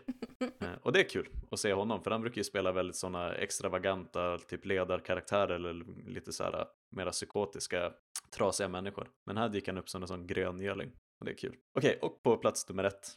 Eh, en person som är med, han är med i sju episoder i Band of Brothers. Men han har knappt några eh, repliker. Han, är, han sitter mest i bakgrunden. Eh, trumvirvel. Michael Fassbender. Oj! Han är som det- panelhöna i Band of Brothers och säger typ fem saker. Eh, och är verkligen skittråkig. Han är en av de som man typ inte eh, tycker om eller fäster sig vid speciellt mycket. Så man tänker typ att ja, men om det är någon som ska bli skjuten i det här avsnittet då kan det få vara han. För han gör ju typ ingenting. Sen tittar man på det nu och så ser- man att det är Michael Fassbender som sitter i någon sånt foxhole och ser sur ut. Eh, så det är lite kul. Otroligt. Mm. Ja, nu blev jag lite mer sugen. Och ni hörde där parallellen till eh, X-Men. Att både Magneto och Professor X Mm. är med i eh, Band of Brothers. Just det. Mm. Så där hade ni Det var dem. kanske där de träffades. Eh, exakt. Ja men det är förmodligen deras Exakt. första, första gång på en eh, produktion tillsammans. Gissar jag nu. Mm. Eh, men då lämnar jag över facklan till er. Har ni någon sån visste du att? Ja, men jag har ju, jag liksom tänkte så här, någon typ av kändisspotting i kostymdramer som, alltså där de inte var speciellt kända när de gjorde sin roll. Mm. Då har jag en liten lista. eh, men, har du någon Jakob? Nej, men jag kan, jag vet, nej, men alla var väl ganska kända, men ändå så här tidiga roller har jag nog ändå begränsat mig till. Ja. Men inte så Vilket- mycket. Det är nog bra om du leder det här inslaget. Okej, du kan få flika in om du vill. Ja, det kan jag göra. Ja. Jag tänkte då eh, som första, eh, numera så är killen Murray, Murphy eh, superkänd som Peaky Blinders eh, huvudkaraktären. Mm. Och även lite småkänd som Scarecrow i Batman och sådär. Eh, men om man vill se en jätteung Killian eh, så kan man kolla på Svindlarens dotter. Eh, där han är med och är så här, han har så mycket, han har sån babyhy att det är svårt att tänka sig att det är samma person som i Peaky Blinders. Där även typ eh, Marie Marlott är med, hon som spelar eh, Myrtle i Harry Potter-filmerna, hon den här spöket som går runt och grinar hela tiden. Mm. Eh, som har en jättejobbig röst. Och först trodde jag att det var så att hennes röst var jobbig bara i den rollen. Men så såg jag Svindlarens dotter och upptäckte att nej, hon bara låter så. Eh, Okej. så det är hennes egen. eh, och sen innan så pratade jag om North and South, eh, den här BBC-serien. Och då finns det ju, kommer ni ihåg Torin i Hobbit-filmerna? Ja. Ja. Ja. Eh, det är huvudpersonen i North and South. Han har inte lika mycket Mm. lösnäsa. Eh, och liksom, man kände, jag kände knappt igen honom först när jag såg Hobbit-filmerna. Jag bara, jag känner igen rösten och sen så trillar polletten ner. Eh, men han är med där. Han har ju också en väldigt bra eh, tala in böcker-röst. Otroligt bra röst. Den är så här som eh, honung för öronen. Mm. Den kan jag varmt rekommendera, den rösten. och sen så, det är väl lite grann som vi har spoilat lite grann, men Matthew McFadden, han som spelar då liksom Shivs värdelösa man i Succession, han har ju varit med i en rad BBC-serier eh, innan. Bland annat då eh, även Svindlaren Dos- Svindlarens dotter också. Den, den är fylld med många kändisar, den Mm. filmen. Eh, och sen så, ni kommer ihåg Giles i Buffy? Ja. Ja, den här gjorde han i och för sig, det är lite fusk, för han gjorde, han gjorde den här filmen efter, men man lite grann såhär, oj, det är han! Mhm. Eh, han spelar pappan i eh, Jane Austins Övertalning, hennes Ah, sista bok. Mm. Där blev man lite såhär, oj! eh, har du någon, Jakob, som du, eller ska jag bara köra? Nej, nej, jag kan dra in mina två exempel så du inte Ja. knycker dem. Det är väl lika bra. Ja, Eh, också kanske sådär man inte minns riktigt nu, men i början av Downton Abbey så är ju Rose Leslie med till exempel. Ja, Spelar ja huvudstaden. just det. som sen skulle bli världskändis med Game of Thrones och framförallt kanske The Good Fight. Men eh, Downton Abbey jobbar eh, nere på källarvåningen som husa eller vad hon är, kokerska kanske, någonting. Det är inte många avsnitt hon är med. Slutar sen. Nej, för hon vill ju göra karriär och bli eh, sekreterare. Sen kommer hon ju tillbaka flera säsonger senare och har gjort, blivit sekreterare. Skriver maskin och är väldigt frigjord. Mm. Lyckats med, med drömmen. Ja, absolut. Och sen så tänkte jag också på filmen från 1985, Ett rum med utsikt. mm. Det är ju Helena Bonham Carters första filmroll. fantastisk film. Just det. Väldigt ung Helena Bonham Carter. Och Maggie Smith är med också, apropå Oh. Down- Downton Abbey. Mm. Mycket bra. Och Judi Dench också förresten. Ah, Mm. späckad. Ja, det är också en späckad film. Får jag flika in en annan? Flika in Gustav. Ja, men för på tal om Downton Abbey, att som du säger, det är Rose Leslie som står ut där i början. Och man tänker, vad, vad fan gör hon där? Hon är en wildling ehm, och är, har blivit jättekänd. Men hon var ju redan på väg, men Lily James Just det. gör Ja. ju en eh, ganska så här väl återkommande roll som hon den här eh, kusinen Rose heter hon väl, eh, som dyker upp. Precis. Jag glömde bort henne. Jag skulle ta med det, sen Mm. så kom jag inte på vad hon hette. Så det gills ju inte riktigt, men grejen var att hon hade ju sitt sånt här, eh, det är ju som att Hollywood bestämmer sig för att eh, nu, är, nu ska vi fokusera på en brittisk skådespelerska och hon ska vara med i alla romantiska komedier det här året. Mm. Ehm, och så dyker hon upp i, i allting liksom. Ehm, och sen så blev det typ Emilia Clarke, när hon började bli klar med Game of Thrones så var det hon ett år. Mm. Och då vet man att man kommer få en julfilm, romantisk komedi. Man kommer få en sån Richard Curtis-film och så studsar runt och någonting så här kostymdrama också. Och hon hade ju lite den efter Downton Abbey. Så nu när man tittar på det så tänker man, nej men där är ju hon som är med i alla filmer. Just det. På ett sätt som man kanske inte gjorde när det begav sig. Precis. Baby Driver 2017, Darkest Hour 2017, Eh, exakt. Mamma Mia, Here We Go Again 2018 och sen Yesterday då, det var Richard Curtis 2019. Ja. Och sen var karriären slut. Bestämmer sig Hollywood för. Nu har du Ja. haft dina fyra år här, nu är det dags för en ny ung brittisk skådis. Så är det nästa Då stjärna. är vi vidare på nästa. ja men lite så. Ja, nej annars vet jag inte riktigt om vi har något mer. Men du hade fler Amanda? Ja, jag har några till. Uff, Kommentar om. brev på. Kör. Jag har, ni vet eh, hon som, eh, Felicity Jones som spelar Jean Erso i Rogue One, Mm. huvudpersonen. Eh, hon är även med i den här miniserien av Northanger Abbey. Så det var liksom så att man bara, oj, men där är hon. Eh, och sen en, en supersnabbis, alltså man ser honom knappt, man ser honom i typ två sekunder. Men Robert Pattinson gjorde sin första roll i Vanity Fair med Reese Witherspoon. Mm. Okej. Eh, alltså innan Harry Potter och liksom Twilight och alla dem, så syns han i typ tre sekunder som jag och min syster letade rätt på när vi blev lite så Robert Pattinson galna en kort period. Så bara, han är med! Spolade fram och tillbaka så här, där snutten några gånger. eh, han hade också en lidelsefull blick. Ja, det har han. ja. och sen så finns det en rolig, har ni hört talas om, alltså, eh, Clarissa? Tv-serien Clarissa. Clarissa Explains It All. Nej, Nähä. filmen. Eh, det finns ju så här som, som skön litteratur, eh, litteraturens, eller romanens grundare, Samuel Richardson. Eh, han har skrivit en bok som heter Pamela, Dygdens belöning. Eh, och sen så följde han upp med Clarissa, som då visade med vad som händer när man inte har dygd. Mm. Och i den så är Sean Bean med Mhm. och är så här, ja. och är liksom eh, som kärleksintresset som kanske inte är så bra att ha som kärleksintresse. Överlever han till eftertexterna? Du får spoila. Nej, men jag, fund- jag, jag, jag, jag tror faktiskt att han dör Mm. i någon typ av fäktningsfight, om Ja, jag kommer ihåg rätt. Mm. Spoiler.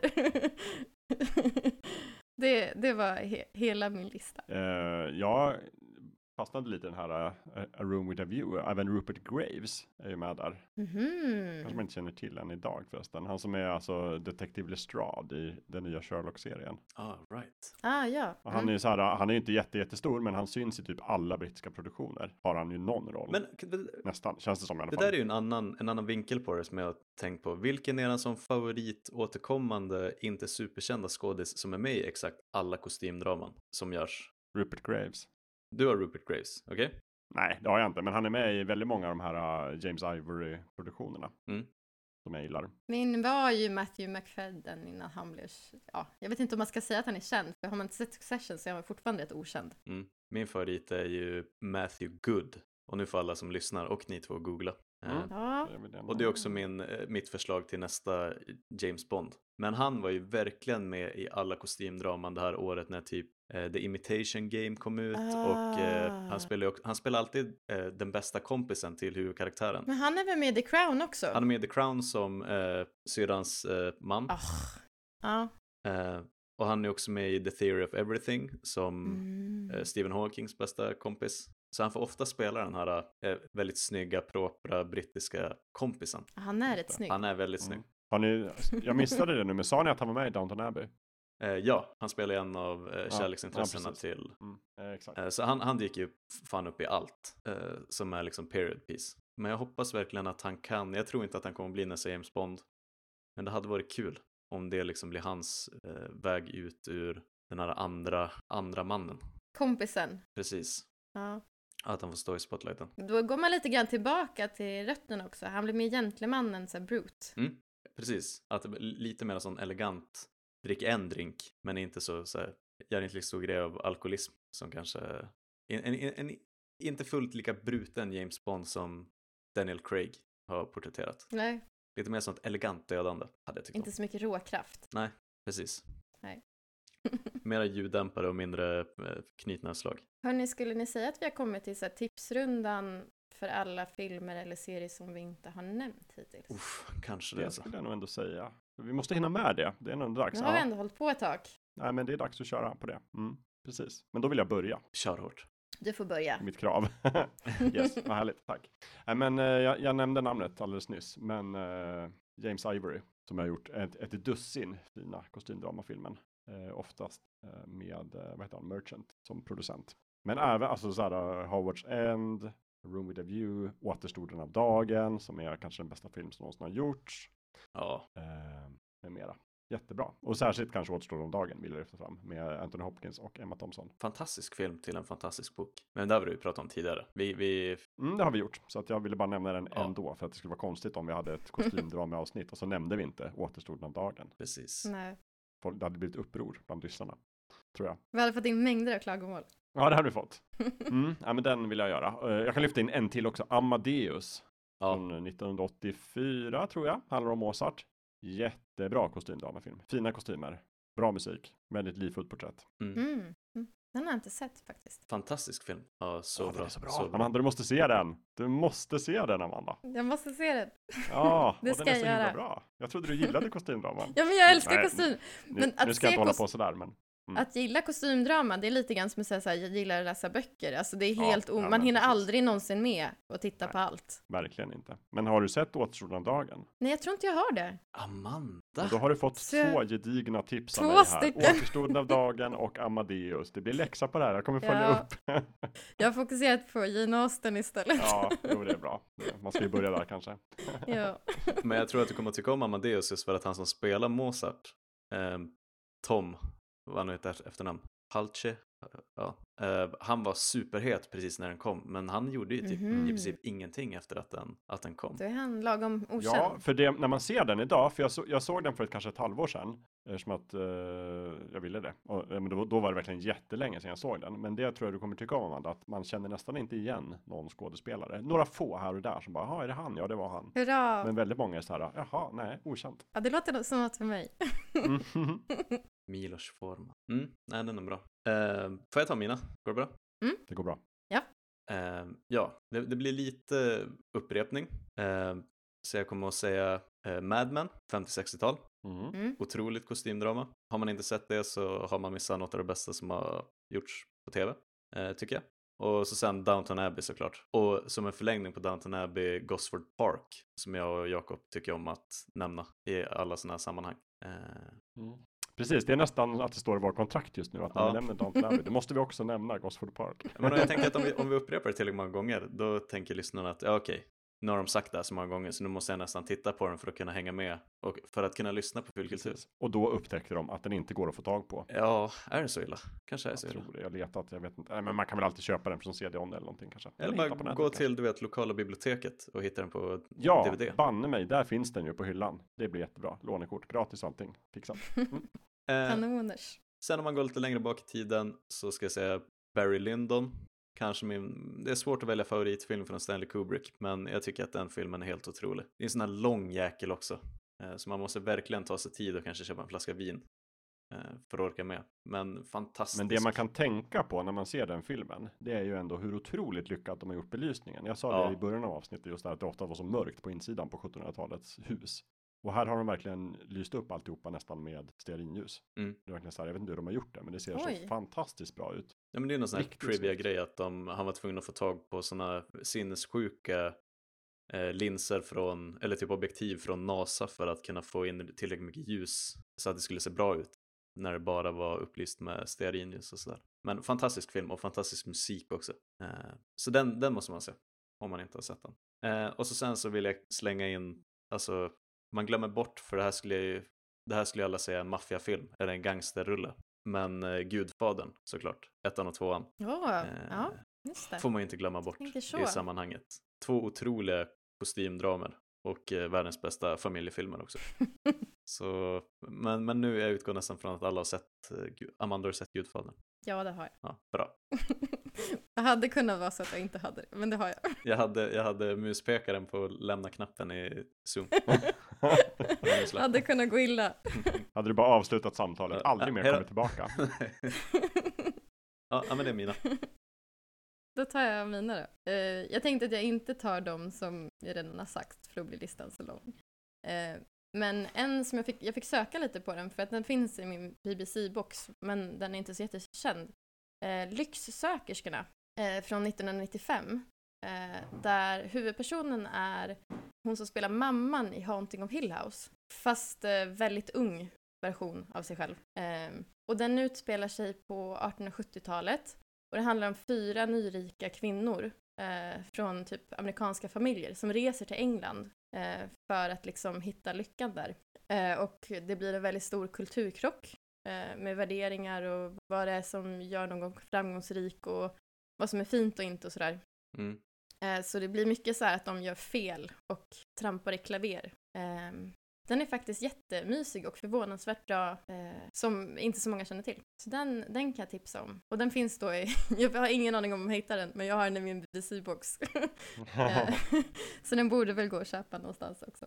Eh, och sen så har jag lite en eh, som 40-tals eh, eh, serie, miniserie, som heter The Ble- Bletchley Circle. Mm. Har ni sett den? Jag tror jag pratade om den i något bara för ett par avsnitt sedan, om jag inte minns helt fel. Det kan jag ha gjort. Det handlar om eh, ett, eh, jag vet inte hur många kvinnor det är med, men en grupp kvinnor som jobbade som avkodare under eh, andra världskriget tror jag det. Ja, det måste det vara. Eh, och då fick de liksom lösa, de var jätte, jättebright och fick lösa supersvåra liksom avkodningar. Och sen när kriget slutar så får de gå tillbaka till att vara hemmafruar, eh, vilket då är otroligt trist. Eh, och sen så börjar en av dem börja se så här konstiga mönster i eh, olika typer av så här randomiserade mord som händer i England. Eh, och bara så här, men det finns ett mönster, det är en och samma mördare, men polisen tror inte på detta. Och så börjar hon liksom så här samla ihop sitt gamla gäng och bara, vi måste lösa det här. Det är en otroligt, otroligt bra miniserie. Eh, och sen så har jag sista, eh, som också är en miniserie som finns på Netflix, som heter Alias Grace, eh, som faktiskt Anna Paquin eh, Mm. med, som är med i. Hon, har, hon är absolut inte huvudpersonen, men hon är liksom med som typ den mystiska frun.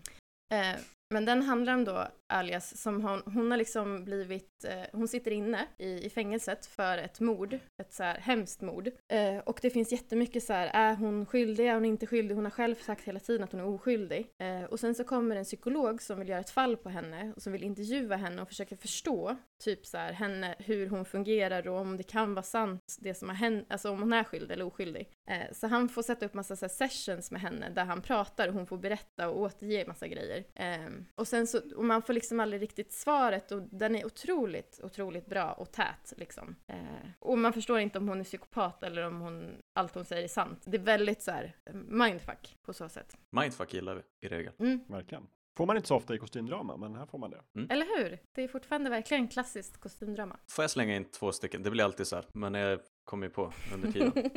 ja. Inga problem, gör det. Um, om jag säger Martin Scorsese 1993 kostymdrama, då funderar ni ett tag och så sen så tänker ni, ja ah, just det, eh, Oskuldens tid, eller The Age of Innocence. eh, har ni sett den? Nej. Nej. Det, det, för det känns som en typisk sån eh, typ Scorsese-rulle som man har missat. Eh, men otroligt eh, stäkad rollista. Det är med Daniel Day-Lewis i huvudrollen som ungkaren eh, Newland Archer. Alltså det här är kostymdrama i typ sekelskiftet fast i New York, eller, alltså, eller USA, vilket är himla ovanligt. Det, Mm. det brukar ju vara engelsk landsbygd liksom. Ja, verkligen. Eh, men han är omringad av Michelle Pfeiffer och eh, en väldigt ung Winona Ryder Mhm. som de två kvinnorna som slåss om hans hjärta. Lite så här, du vet, eh, den går lite på sparlåga, eh, det är väldigt mycket dekor och snyggt manus. Men eh, den kan jag rekommendera. Mycket så här längtan och trånande. Åh, det låter perfekt. Inte att missa. Eh, och så sen om man också vill ha otroligt snyggt kostymdrama med Daniel Day-Lewis, om man har missat eh, Phantom Thread som kom 2018 tror jag, men det kan vara tidigare än så, 16-17. Eh, hans sista roll, han har ju typ eh, pensionerat sig nu. Jag, tv- jag tvivlar, men där spelar han, vad är han heter, Woodcock, som är så här, eh, textil, eller alltså kläddesigner. Otroligt eh, Mhm. sån mustig kostymdrama som man borde se. Åh, jag kom på en till. Mr Selfridge. Ja, Ja, just det. Varuhus... Eh... Med, m- yes, ja, med han eh, som spelar eh, R.E. Gold i Entourage. exakt. Så här, den här managern som är galen. Eh, den är jättebra. Ja, Det är lite mer riv i den, lite mer äventyr, eller liksom, ja lite mer fart än vad det är i många av de där. Ja, men den är bra. Den är bra. Det, det är så kul, visst har ni sett den när de gör en, eh, de gör någon spoof på Downton Abbey när, eh, för- det är för någon så här julgala, tänk typ Agneta Sjödins smällkarameller fast Storbritannien. Mhm. Eh, så där är sketcher från Downton Abbey men det är saker som inte riktigt stämmer. Och bland annat då så visar det sig att Mr Selfridge kommer in och är eh, hon, fruns älskare typ. Och han har kommit in och tagit över, eh, bland annat. Sen kommer George Clooney också in och liksom har tagit över godset. Så de kan jag rekommendera. Googla typ eh, Downton Abbey Christmas spoof. Det ska jag göra. Vet ni vad? Det här lägger vi upp i länklistan. Ja, Ja, det måste vi göra. jätteroligt. Behöver man bara hitta det där. Mm. Jag har också mina bonustips som jag tänkte ta när vi är klara. Mm. Jag, har, jag har tre stycken. Dels så tänkte jag tipsa om 1990s filmatisering av Cyrano de Bergerac med eh, Gerard Depardieu. Åh, Oerhört bra, mastig film. Som det ska. Ja, men som det ska vara. Och sen så också Tjernobyl, miniserien. ja gud ja. Period Peace 1986, Sovjetunionen. Ruggigt bra. Väldigt realistiskt. Också det här eh, som vi sa i början, hur man liksom skapar trovärdighet genom att minutiös fokus på detaljer. Mm. Ja, den är ruggigt bra. Och sen då mitt favorittips som jag också brukar tipsa om varje avsnitt, men The Marvelous Mrs. Maisel. Yes. Ja, Kostymdrama. så bra. 50-60-tal. Så himla fina kostymer. Jätte, jättebra. Sen så finns det även eh, Agent Carter. Det är lite grann eh, eftersom att det är Marvel-universumet. Men det är ändå rätt mycket kostymdram. Ja. Får snudd till Det är där. lite mer äventyr va? Ja, lite mer action. äventyr kanske. Mm. Men eh, fina kläder har de. Ja, Det ska man säga. puttade in den. ja, jag hade inget mer. Jag håll, håller också där. Hmm. Ska man rycka någon till? Ta en sista nu då. Det är eftertexterna börjar rulla här. Så. Nej, vet du vad? Jag ska vara återhållsam. Jag ska vara återhållsam, jag ska inte göra som jag brukar göra. Jag, jag, jag håller där. Det får vara där. Okej, The Alienist. The, The Alienist. Eh, typ 1890-tal. Och en ung eh, Theodore Roosevelt. Mhm, oh, Mm. Gud vad mycket kostymdrama jag ska titta på nu i sommar. Då kan jag flika in White Queen. Han, har ni sett eh, Nya Tider? Ja. Hon Ja. som spelar Anna huvudrollen, hon spelade White Queen. Mm, just det. Jag såg det på HBO Nordic nu att de alla de här. Och det är Emma Frost som ligger bakom de här produktionerna. Hon har gjort som, det är en följetong. Det är ju White Mm. Queen och sen så är det The White Princess. Och typ Kommer inte ihåg vad den sista heter. någon annan Princess. Men det är ju typ tre serier som man måste kolla på. Mm. För att verkligen få så mycket kostymer att man drunknar. Ja, det gör man. Den är väldigt bra. Om jag säger The Witcher på Netflix nu kan Jakob säga att det har gått off topic, att vi måste stänga ner. Ja. ja, ja, Ja, men där ungefär tyckte jag det var. det var off topic. Där var signalen för att avsnittet har nått vägs ände kan man väl säga. Mm. Och det är dags att avsluta. Och hur avslutar vi på bästa sätt? Puss och kram, eller? Genom att säga webbadressen till våran Ah, webbsida. Ja, ja, ja. www.fulkulturpodden.se Där kan man skriva till oss och där hittar man länklistan. Och man kan också följa oss i sociala kanaler, typ Facebook och Instagram. Det tycker jag man kan göra och alla länkar till alla sociala kanalerna finns på webbsidan också. Så att om man börjar där så kan man sen börja följa oss på Instagram och Facebook och Twitter om man vill. Varför man nu skulle vilja göra det. Men- det händer kanske inte så mycket, men det låter magiskt. Nej, det händer inte så mycket. Men jag brukar dubbelposta. Allt på Instagram brukar jag också ibland lägga ut på Twitter. Så att man ändå får, de två följarna vi har på Twitter kan ändå få någonting ja, det är bra. Och så kan man gå in i eh, valfritt kommentarsfält och påminna om oss om alla klassiker som vi har missat. Gud, verkligen. Definitivt. Så att jag kan sitta där sen och tänka, åh, just fan, hur, hur kan jag glömma den där? Just det. Jag trodde ni hade koll på ämnet. Hur kunde ni missa den och den och den och den? Exakt. Jag ser fram emot dem. Just det. Ja, men nu är det snart dags att trycka på stoppknappen här. Ja, Klippa ihop detta avsnitt så att eh, folk får det i, eh, i sommarvärmen. Mm. Men hörni, vad roligt. Jag vet inte om vi blev så mycket klokare, men jag fick väldigt mycket tips i alla fall. Jag blev gladare åtminstone. Ja. Och kul med det här med små minilekar mitt i avsnittet. Det tycker jag vi ska göra mer Ja. av. Mm. Vi får hålla, hålla på med dem. Alltid roligt när man får tävla lite. Mm. Om det nu var en tävling, det var det kanske inte. Men... Även om det inte var någon som vann. Nej, men det var lite spännande. Liksom, Ja. Trivia. Mm. Yes. Eh, Gustav och Amanda, Mm. ni ska ha stort tack för att ni ville göra mig sällskap den här kvällen. ja men tack detsamma. Detsamma. Så hörs vi snart igen. Det gör vi. Ja, det gör vi. Nu får jag säga puss och kram. Puss och kram. Ja, puss, och kram. Hej då.